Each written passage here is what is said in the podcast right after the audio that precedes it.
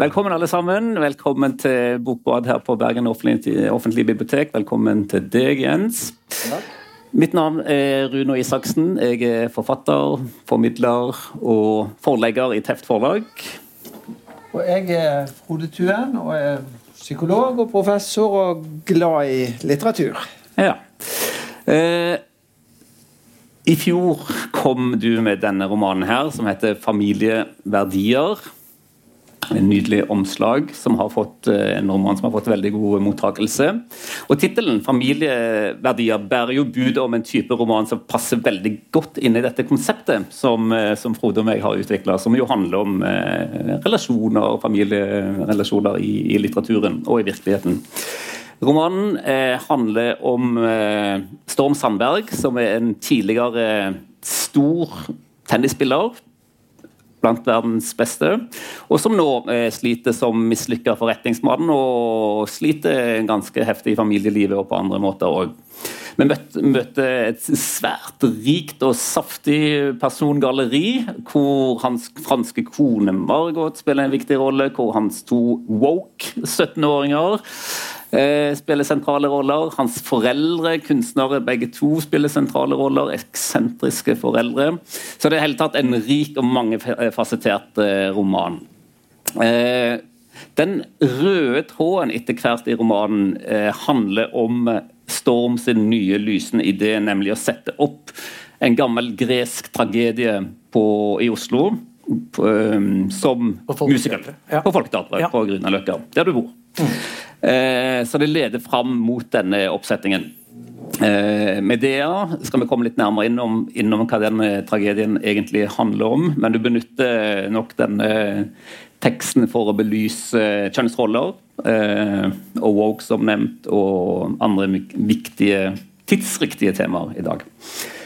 Ja, Det kunne vært én måte å oppsummere litt av hva denne mangefasetterte romanen handler om. Eh, hva vil du si sjøl? Hvordan, hvordan, ville du opp, eh, oppsummere romanen din? Hva romanen handler om? Ja. Uh, Nei, En måte å oppsummere den på er jo det nettopp som du gjør. Eh, jeg mener jo at den også Jeg egentlig tenkte at jeg skulle skrive en bok om kjønnsroller. Eh, og så merket jeg at det falt litt lenger og lenger ned i, i boka. Men det er der fortsatt, men det er ikke så veldig eksplisitt. Eh, noe jeg er fornøyd med. Og jeg hadde nok også en tanke om at jeg skulle skrive mer eksplisitt om disse temaene. Eh, uh, som du nevnte. Uh, til slutt så bestemte jeg meg for isteden å bare ha det som støy i boka. At jeg ikke egentlig går gjennom det så veldig. At det bare er hele tiden til stede som mas. Uh, som jeg tror vi mange av oss opplever det som. Veldig mye av det vi må forholde oss til, er mas og støy. Um, og det passet også godt. Og da merket jeg at det mer og mer vokste fram at jeg hadde lyst til å skrive om en um, mann som har vært vellykka, og som ikke er det lenger, Uh, og ikke klarer å opprettholde uh, fasaden over å være vellykket, som han er veldig veldig opptatt av. Og det brister for han da, på en eller annen måte. Uh, uten at han på noe punkt er villig til å innrømme det. Så han fortsetter hele tiden å late som om alt går veldig veldig bra. Uh, og det gir meg mye å spille på. Uh, hvorfor er det så viktig for han å late som det? Og det er mye gøy i mennesker som prøver å late som ting går bra eh, når de ikke gjør det lenger. og jeg tenkte, jeg tenkte, mye, jeg tenkte mye på Faulty Towers, f.eks., hvor hvor jeg også lurer litt på hvordan det kommer til å være å lage en ny en. bare så det jeg har sagt. Men Eh, jeg er veldig fascinert av den rollefiguren som eh, F.eks. han har en der hvor han, sparka, han vil ikke betale overtid for kokken, så han har sendt kokken hjem, så han må lage maten selv. Og det blir ikke så veldig godt. Eh, så da kommer jo folk inn på kjøkkenet og klager, og selv da så sier han Hvor ble det av kokken? Han, han var her akkurat nå. Og det nivået av å opprettholde eh, fasaden eh, syns jeg er gøy å skrive om nå. Så Jeg vet ikke om det var svar på spørsmålet, men det var i hvert fall et uh... Jeg skal gi ordet til deg, Frode, så Ja, du kan begynne å bore litt inn i Ja, Jeg kan jo nevne før jeg gjør det at eh, det er jo en ekstremt morsom roman. At det er en utrolig deilig kombinasjon av humor og dybde. Eh, Det var noe av det som jeg likte aller best. Ja, jeg er helt enig. Altså det Du skriver jo morsomt, og det er mange gøyale eh, scener der. og Kanskje vi skal komme inn på det etter hvert. Men, eh, men det er jo en sånn ganske alvorlig og hva skal vi si, trist undertone også. Det er noe eksistensielt ved denne figuren eller karakteren som, eh, som vi kanskje alle kan kjenne oss litt igjen i. Eller i hvert fall vi kjenner noen sånne Storm Jeg tror- Jeg tror det. Jeg tror, det tenkte jeg på. Det, eh, han er en sånn karakter som jeg tror veldig mange av oss har en Vi vil ikke innrømme at vi er sånn, tror jeg. Som noen av oss er det mer enn andre. Og så tror jeg det er en sånn karakter som vi veldig mange føler at vi har som venn. At det er en venn som vi liker veldig godt og er veldig glad i, men veldig ofte tenker Åh, men hvorfor, hvor, Du har ikke behøvd å gjøre akkurat det, kanskje? Han tar det veldig langt, da. Ja, han tar litt lenger enn de fleste. Ja. På godt og vondt. Mm. Mye på vondt. Altså En ting som han eh, tar langt, og kanskje lenger enn de fleste av oss, er jo hans evne til å lyge. Ikke bare Han lyver ikke- veldig, veldig Ja. mye. Hvordan skal vi tolke denne personen? Han lyver jo eh, ikke minst overfor sin kone, som han jo elsker veldig, veldig høyt. Ja, han lyver om hvor bra det går, øh, selvfølgelig. Men det er jo også for at han, han lever jo egentlig Hun kom inn i livet hans på et tidspunkt hvor han var veldig god tennisspiller, og han kunne vise henne hele verden. Eh, Men det begynner å bli ganske lenge siden. Eh, Og etter hvert så har han levd mer og mer på hennes penger. For han, han har disse mislykkede prosjektene. Eh, og det vil han vel egentlig ikke helt innrømme at han gjør. Så han, han ljuger mye om hvordan det går ja, med, med forretningene. Og jeg vil, også, jeg vil jo gjerne si noe til Storm Sandbergs forsvar, fordi eh, det er mange som eh, har jeg sett når de snakker om Storm Sandberg, sier at han er så dum. Det syns jo ikke jeg. Jeg syns at Storm Sandberg har uflaks.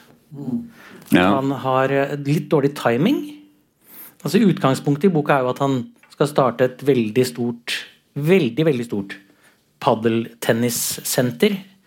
Eh, og jeg vet ikke om dere vet helt hva paddeltennis er. Det er liksom en ny form for ja, tennis man kan spille i mindre Man bør ikke være så god til å spille det.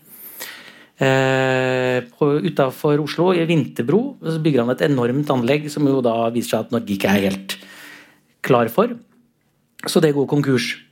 Eh, og da har han hatt så mange konkurser, men de andre tingene han satser på, også ting som jeg egentlig synes, som jeg mener er bra. Han vil lage små møbler så folk kan bo eh, trangere, som er mer miljøvennlig.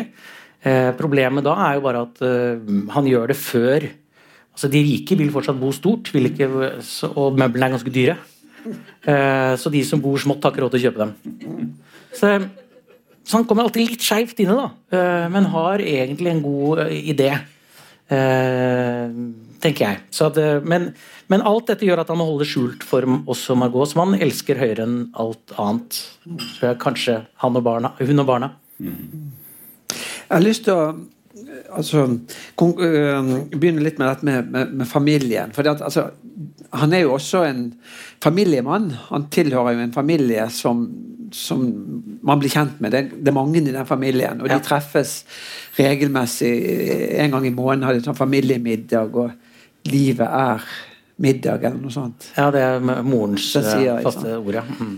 Uh, og boken heter 'Familieverdier'. Eh, hvorfor landet du på det? Altså, si litt om familiens betydning i denne historien, og verdiene Ja. som du ønsket på en måte å få frem, eller Jeg skriver utforske. Jeg har skrevet en del bøker, og de handler jo nesten manisk om familie, eh, alle bøkene mine. Ehm, og jeg tror eh, Det har jo sikkert med hvordan jeg selv, hvordan jeg selv eh, har vokst opp, på en måte. Um, og i denne boka så er det jo en veldig stor, brokete familie som jo ligner veldig på min egen. Eh, med unntak av at min egen er mye, mye, mye hyggeligere. Så godt å høre. Ja. og ikke så manisk opptatt av å møtes fast. Eh, Men det er jo et forsøk på å beskrive denne moderne, moderne familien, hvor man må forholde seg til veldig mange folk som kommer inn og ut. Um, hvor man, veldig, man, skal være veldig nær en person et kort øyeblikk, for som den personen kan plutselig noen måneder etterpå ikke være en del av familien lenger. Uh, og sånn har jeg jo følt av til at jeg har vokst opp. Uh, at jeg har, um, det har vært noen juler hvor jeg har kjent at jeg ikke nødvendigvis vet hvem alle er. Så, så, jeg tenkte at dette var noe jeg kan skrive om med viss tyngde. da, at jeg, dette er noe jeg kan. Eh, så det var nok noe av ideen. Og så likte jeg å plassere en person inn i dette som har et veldig behov for å bli sett. Eh, og hvordan det kan være veldig veldig mange mennesker rundt som man egentlig skal være veldig nær. Som man ikke har noen nærhet til. Eh, og som man ikke blir sett av. Og det er vel derfor også han, på en eller annen måte en av grunnene til at han ljuger så mye, er vel det. At han ikke kan han har ingen egentlig en veldig stor base eh, i seg selv, tror jeg. Mm. Hvis jeg skal prøve å psykologisere Storm. Noe jeg kanskje kan tillate meg i og med at jeg har tross alt funnet på. Det syns jeg du kan. og Jeg har lyst til å dykke litt mer ned i det etter hvert, men, men, men, du har ja, ja, jeg tenkte det var egentlig jeg ble litt ansporet av det du sa, til å, til å, skulle dykke enda litt mer ned. For det, det, som, eh, det, som, altså det er mange ting vi kan si og, og kommer til å si om Storm. Eh, men det at han er grunnleggende ensom, er jo kanskje den eksistensielle dype her. At han er ensom i sitt familieliv. Ja. Midt i dette eh, kaoset, og i kjærligheten òg, for så vidt, så er han, eh, så er han ensom. Ja. Og det gjelder moren òg. Til tross for hennes utrolige Hun er jo ekstremt vellykka og anerkjent eh, teaterregissør, eller pensjonert nå, da. Ja, og de møtes jo i en slags uh, ensomhet ja. på et punkt i boka. Uh, men er, han er absolutt uh, veldig ensom, og jeg har jo likt å skrive om det. Om folk Ofte menn, da. Men uh, jeg har skrevet en del om, om, med kvinnelige personer men veldig ensomme mennesker som uh, prøver å orientere seg og prøver å finne et eller annet uh, holdepunkt.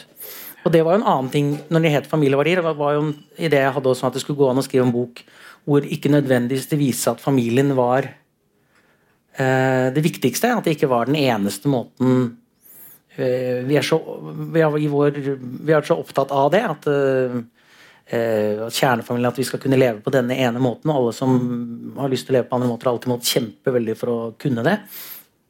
Eh, og jeg har tenkt mye på det. Eh, jeg har mange kompiser som eh, lever alene, eller som lever, har andre typer relasjoner og forhold.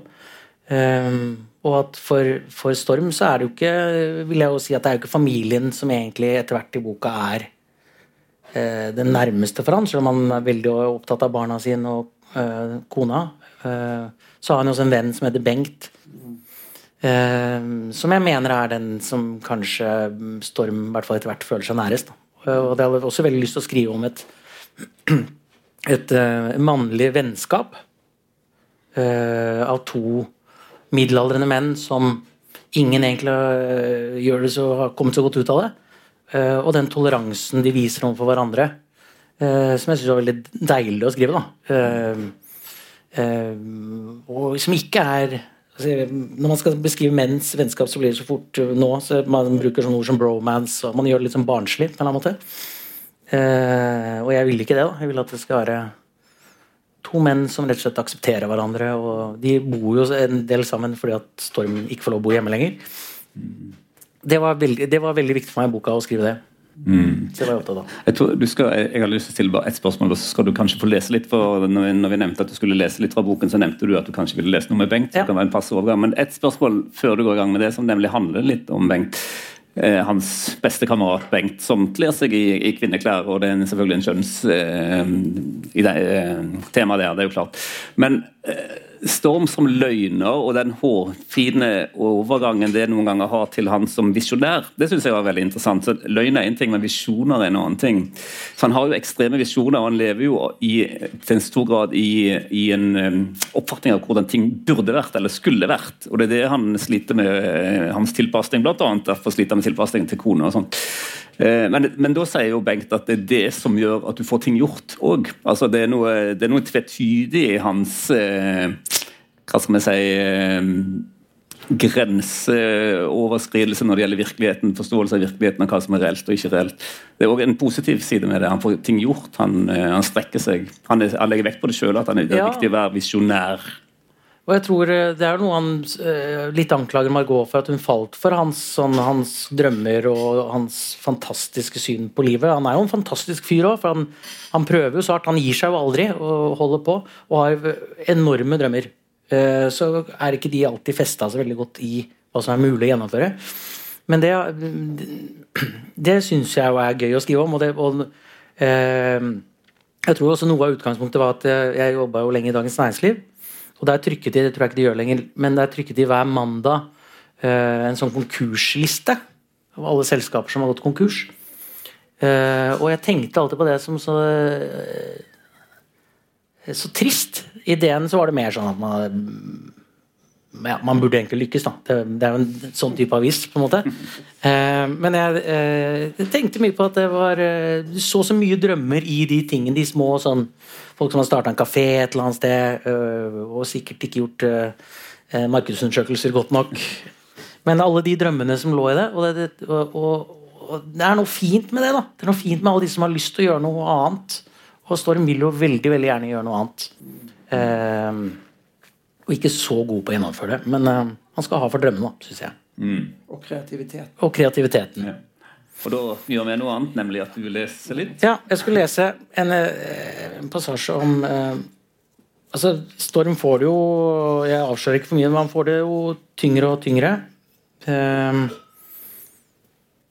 eh, og det man trenger å vite her, tror jeg kanskje er at uh, Bengt, bestekameraten Han av en eller annen grunn sier dim sum, som altså er en kinesisk matrett hver gang noe går veldig bra. Og det vet de, verken jeg eller Storm helt hvorfor han gjør, men det er, derfor, det, er det, det, er det, det sikter til når han sier det her. Her sitter de. Bengt uh, Kort bakgrunnshistorie. Om Bengt er at han var uh, en produsent, TV-produsent som måtte forlate jobben i Skam etter å det hadde lekket ut bilder fra en fest fra Cannes TV- og, og seriefestivalen der. eh, hvor det var mye kokain og prostituerte, og han hang i en lyskrone. Eh, så han måtte slutte. Eh, og nå påstår han i hvert fall at han jobber som privatetterforsker. Det er litt uklart om han egentlig gjør det, men han, eh, det er hvert fall, derfor sitter de ofte De møtes ofte i bil for at han har noen overvåkningsoppdrag. Eh, og her eh, Skal vi se hvor jeg skal begynne. Her er det snart premiere på uh, musikalen. Um, og den Jeg bare lurer på om jeg må forklare. Nei, jeg bare, jeg bare leser, jeg. Det er så dim sum som det kan bli, sa Bengt. Vi kan glede oss til premieren på fredag. Ja, sa Storm. Så hva er det? Angrer du på at du bestemte fredag den 13. som premieredag? At det var en god idé? Er du sur for at jeg kontakta Kyrre Håvik, som er Storms nemesis? Nei da, hva er det, da? Jeg er ikke sur. Bengt parkerte bilen på havneparkeringen på festningssiden. Dim sum, ropte han. Ja. Pauker og basuner? Ja. Igjen oppsto en stillhet. Pauker og basuner, lille stormgutt. Skjønner du? Jeg ser på deg og tenker, den mannen trenger mer pauker og basuner i livet. Han trenger her laget Bengt en fanfarelyd ved å imitere en trompet. Meg! Storm lukket øynene. Ja, sa han. Dette går ikke, sa Bengt. Ut av bilen, kommanderte han. Hva? Ut av bilen! Slutt, da. Kom igjen! Snart sto de begge i lyset av frontlyktene. Det var kaldt ute, mørkt. Fjorden glitret truende nedenfor. Bengt hadde på seg en kjole med ytterjakke over, tights. Du lager to vinger med armene, sånn som man gjør i fugledansen, med tommelen i armhulen. Albuen rett ut fra kroppen. Er du med? Skjønner du? Bengt demonstrerte. Du også. Storm så misfornøyd på ham. Moren min mener også man kan danse seg glad. Kom igjen. Storm løftet motvillig albuene rett ut fra kroppen.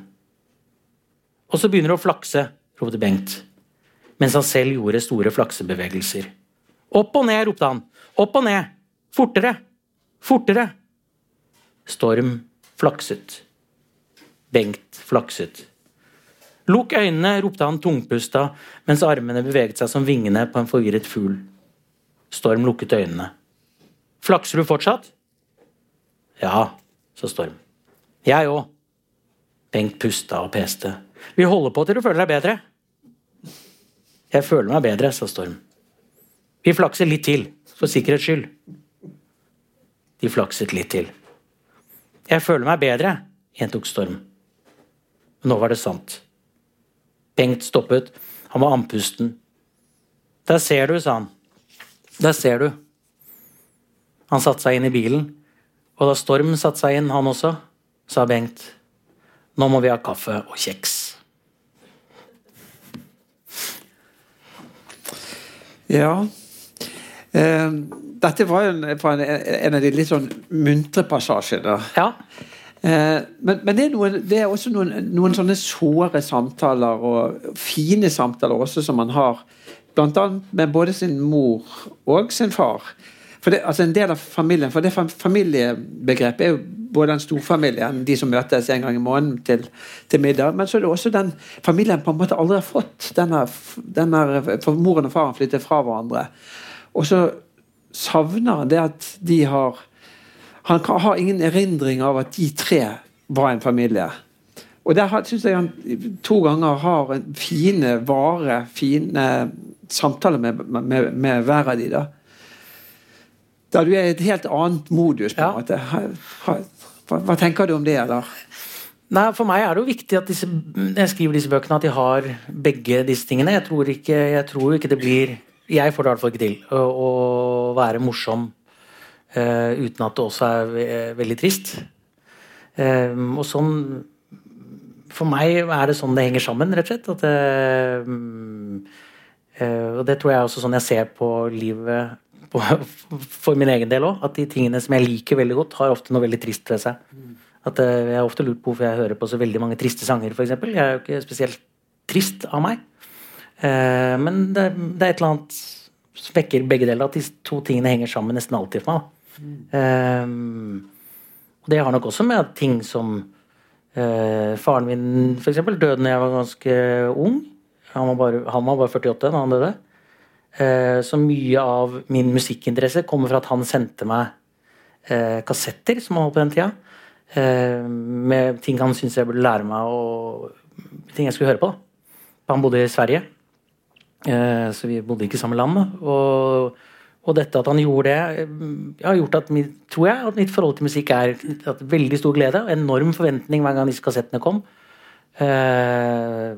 Og, men også veldig det er knytta noe veldig trist til. Eh, og også noe som binder oss sammen. Synet på kultur, at det er noe som gjør at vi eh, Det kan være noe som gjør at vi hører til på en eller annen måte. Det er jeg opptatt av i bøkene mine. Å prøve å få til de tingene. At folk dummer seg ut og gjør mye dumt, men at vi kan kjenne oss igjen i det, selvfølgelig. At eh, det er veldig få av oss som lever liv som eh, ikke er tåpelige til tider. Eh, og som ikke er eh, hvor vi gjør valg som er helt uh, horrible, men vi, også, men vi, alle, de fleste av oss i hvert fall, står på og prøver å finne nye veier ut, nye løsninger. Uh, det gjør Storm. Og det gjør at jeg, disse bøkene prøver å skrive om at det, det ene hører sammen med det andre. Det ikke, for meg er det ikke helt mulig å flytte de fra hverandre. Um, det jobber jeg jo mye med. Mm tenkte på litt sånn i forlengelsen av det et, et, et, eh, tema som jeg så litt på når jeg leste denne romanen. det er på, Kanskje på et sånt slags metanivå, eh, hvor familien på en måte blir håper jeg kunst, altså eh, Margot, hun franske kone, hun omtaler familien til Storm som ensemble. Ja. Altså Hvor de spiller ut eh, Hvor moren, Storm sin mor regisserer, og hvor de alle spiller ut sine roller.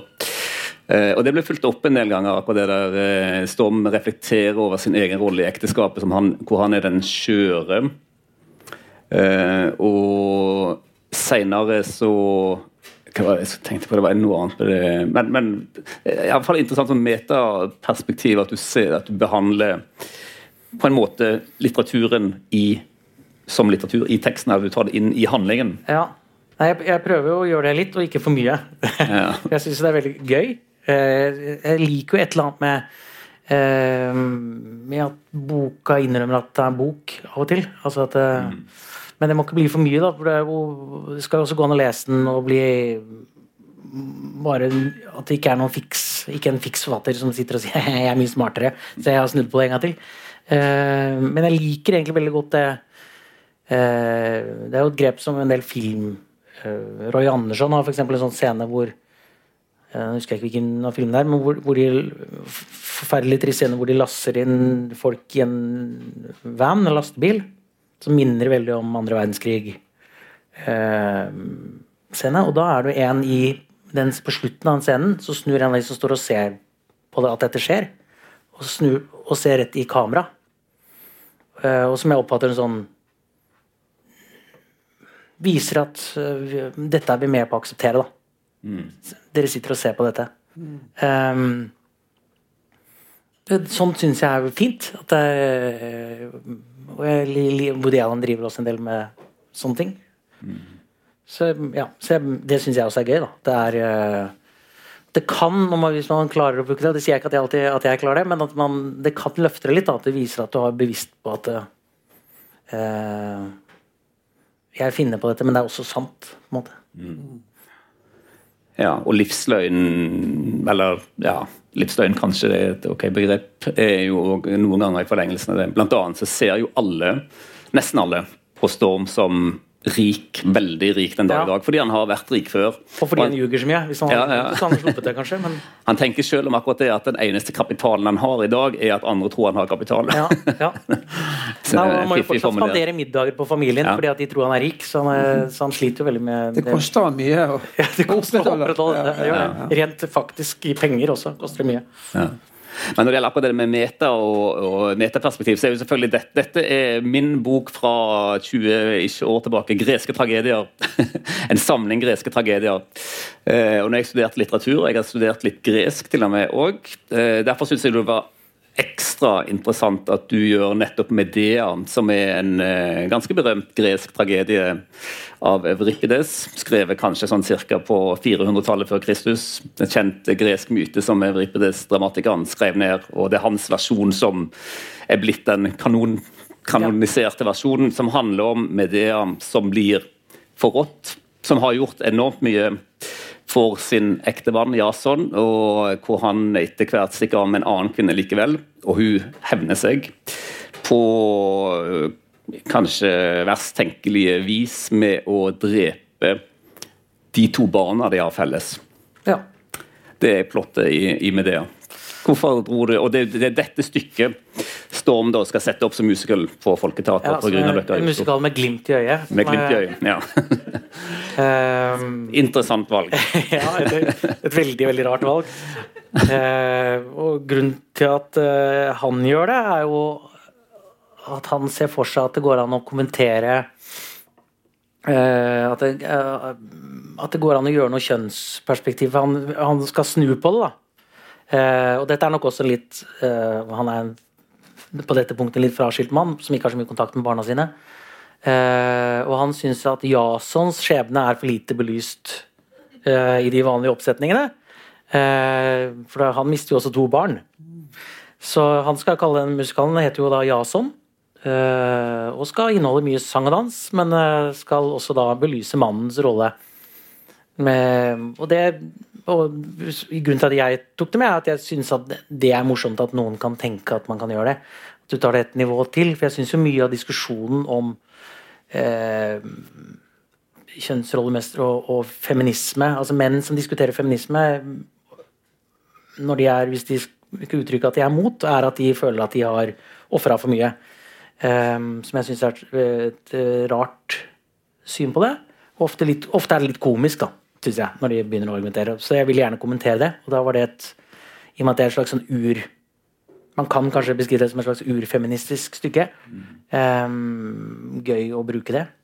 Uh, og så er det selvfølgelig gøy å ta noe som er en veldig veldig stor tragedie, og snu og gjøre det til noe som er litt lurvete uh, musikalnummer. Uh, så, det, det, det, så det passet inn på mange måter. Jeg følte meg veldig fornøyd når jeg kom på det. må jeg innrømme. Det var en god dag på jobben. Og så angra jeg litt, da, som jeg nevnte så vidt for deg før. så Jeg litt for jeg tenkte, jeg hadde jo lest det på litteraturvitenskap, og sånn at jeg leser det opp igjen.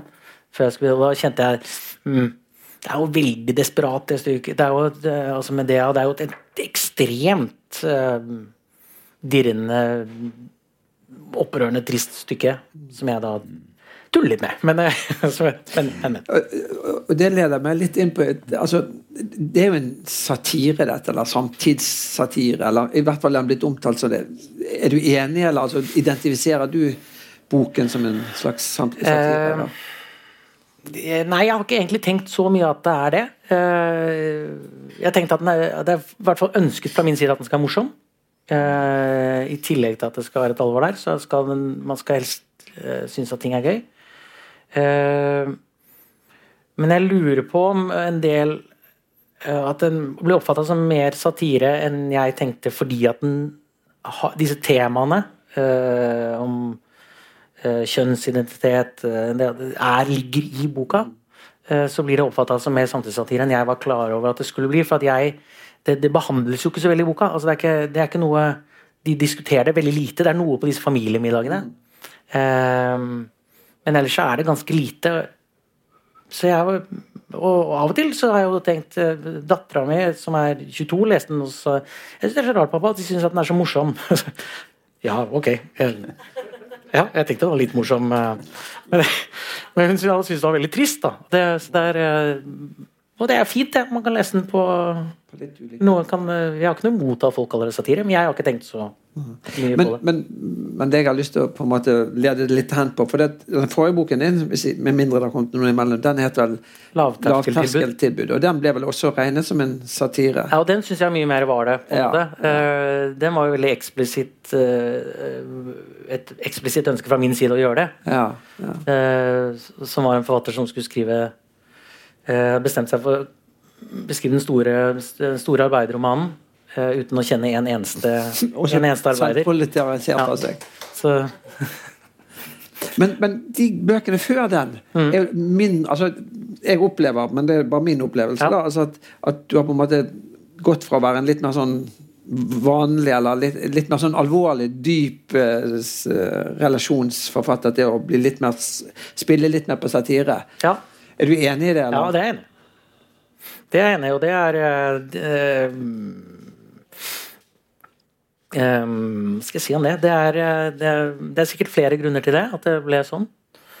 Uh, jeg tror at jeg sk skriver på den måten som jeg ligger meg nærmest til enhver tid.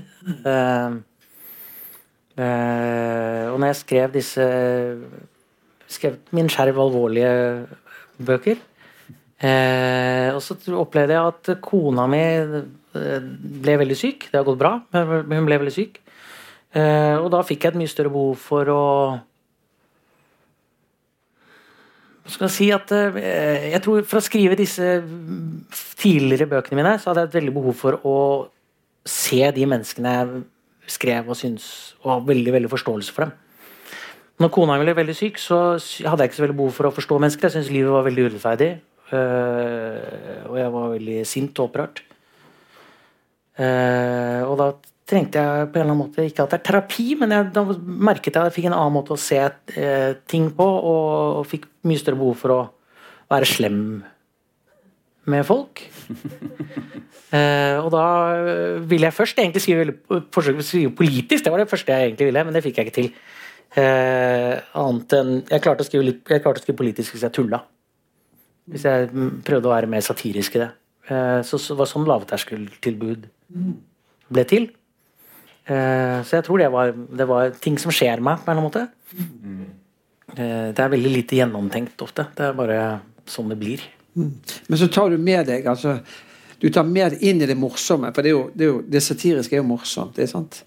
Og litt sånn karakert på en måte. Men samtidig er det òg noe gjenkjennelig, og ikke minst den der eh, eksistensielle dybden som, som jeg bare satte veldig stor pris på i de litt tidligere bøkene også. Ja, for jeg mener, at, jeg mener at bøkene henger veldig tydelig sammen. Ja. Det er egentlig bare bevegelse i at jeg kan gjøre det på, prøve å gjøre det på ulike måter. Men er, de handler jo egentlig om det samme. Altså. Mm.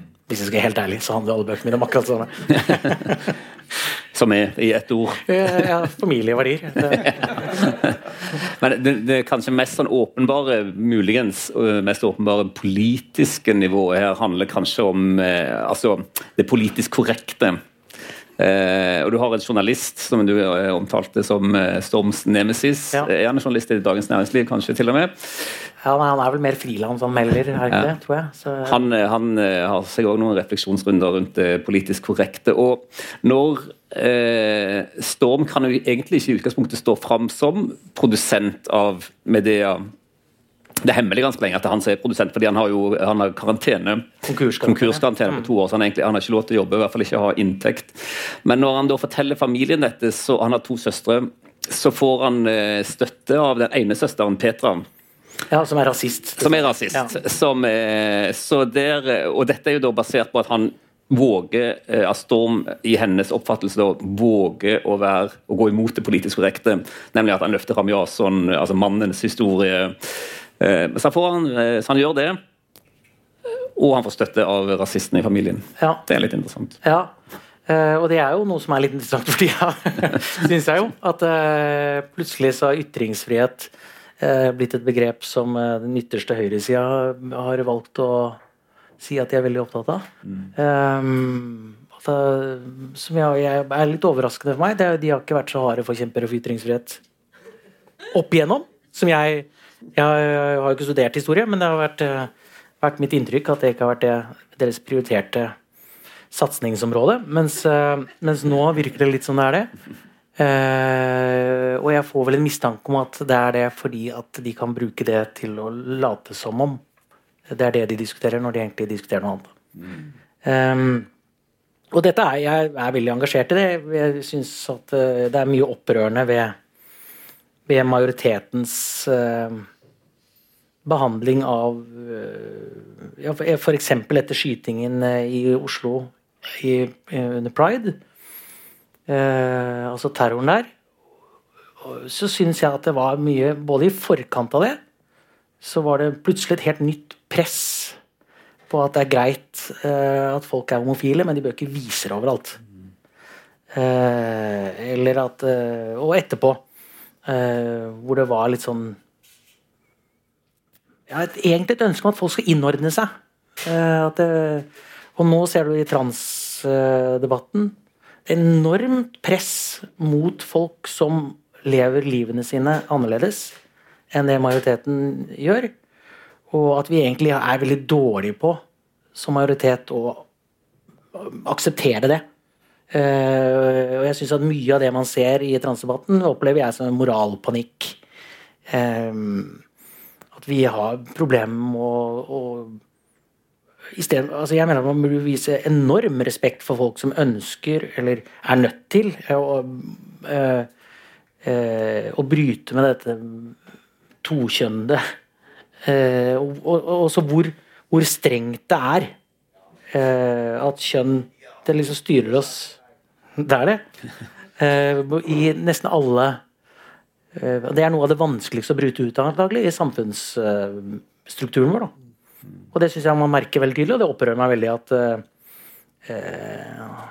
at, det plutselig At disse, den lille, lille, lille andelen mennesker dette er snakk om, skal havne under så stort press og ikke få mer forsvar fra majoriteten de får, det syns jeg er dypt opprørende.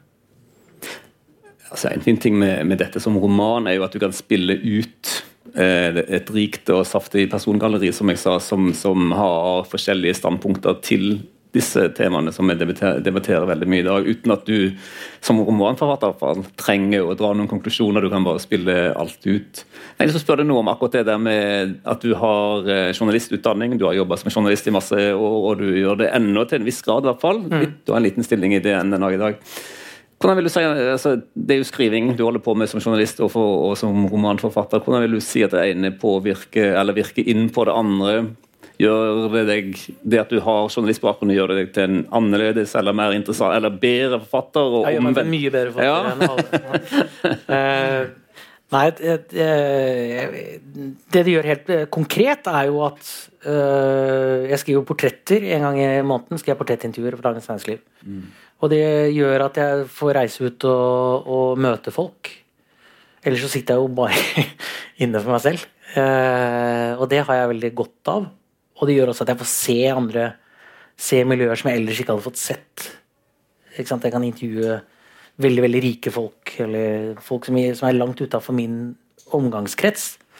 Så det gir meg en fordel i, i min Og jeg bruker jo øh, ting fra uh, portrettene, f.eks., i, i bøkene. Jeg har gjort det i denne.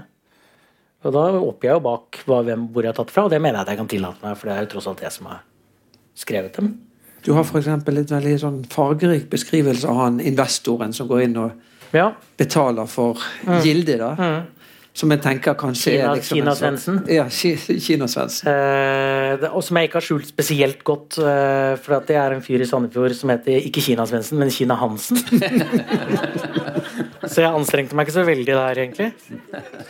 Eh, men han traff jeg jo nettopp fordi jeg har vært, uh, gjort, vært i Sandefjord. Så, uh, så, for meg er det et stort utbytte å gjøre det.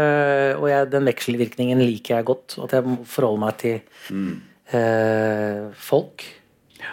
Og det er klart Medievirkeligheten er jo òg et veldig synlig tema her, ikke minst når, eh, når dette stykket omsider blir satt opp på Folketeatret, og, og med, med, veldig kjente skuespillere i hovedrollene, med ja. ekstremt kjent uh, musikalsk ansvarlig. Uh, da, Alt er jo en stor suksess, egentlig. Det er jo en stor suksess. Mm. Det er en stor suksess en stund. Mm. Hvis jeg trenger ikke si helt hvordan dette går, men en stund så er det jo en stor suksess.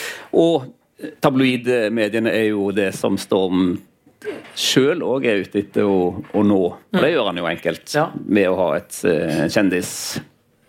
Ja, og han har jo en eh, kvinnelig hovedperson som uh, lever et stormfullt liv, og det er han jo veldig glad for, for da kan han jo få oppslag i, i mediene om det. Selvfølgelig. Så det er han uh, Han kan han kan jo dette spillet. Ja. Han er jo på mange måter en veldig dyktig fyr, da, men som du sier, altså han han, eh, han, er uheldig. Han, er ikke, han treffer det, han timer det liksom ikke helt riktig i forhold til Nei. tidsånden eller konjunkturen, eller hva man skal si. Nei, og, og tidsånden, akkurat med musikalen treffer han tidsånden eh, veldig godt. Da. Men eh, Nå skal jeg ikke avsløre hvordan det går, men der treffer han kanskje tidsånden litt for godt. på en måte. Mm. Uh, det er litt for mange mm. Mm. Men det kan vi ikke Aktuelle temaer som ja. blir aktualisert. Ja. Tiden løper. Eh, du starter i Frode med å spørre om akkurat det med tittelen 'familieverdier'. Eh, da kan vi avslutte med å spørre hva, hva er dine sentrale familieverdier? Åh, ja, hva er det? Jeg har jo to barn. Um, på 19 og 22. Så um, jeg vet ikke hva jeg mener. Det er å, å, gjøre at de får det så godt som mulig. Tror jeg. Prøve å passe på at de eh, Nå innser jeg at det er ikke så mye jeg kan gjøre for dem lenger. Det merker jeg. Det er, det er veldig vanskelig å akseptere. Eh, for de har jo sine problemer og sine vansker av og til. Eh, men mine familievever er nok det. Å prøve å uh, legge til rette for at barna mine skal få det så godt som mulig, og så fortsette å feste med kona mi. det hørtes ut som en god Som vi har sølvbryllup i, i mai, faktisk. Jeg har vært, jeg har vært sammen med henne så, siden jeg var 21. Så øh, vi er liksom KrF-paret i, i vennegjengen. Men øh, det det går bra. Så. det er godt å høre. Det er veldig godt. Vi runder rett og slett av, eh, men merk at dette arrangementet er en del av en, av en samtalerekke som eh, Frode Tuen og meg har her på biblioteket. Og allerede, Vi skal ha to arrangementer til nå i løpet av april-mai. Neste blir Trude Marstein neste torsdag, og så kommer Vigdis Hjort uken etter der igjen. Men dette får dere følge med på på Facebook og andre steder. Eh, tusen takk til eh, Bergen offentlige bibliotek, som slipper oss til igjen, og til Emilie som sitter bak der, som er produsent i dag. Eh, tusen takk til deg, Frode. Til publikum her, selvfølgelig. Og fremfor alt til deg, Jens, for en fantastisk eh, interessant og levende samtale. Tusen takk. Tusen takk.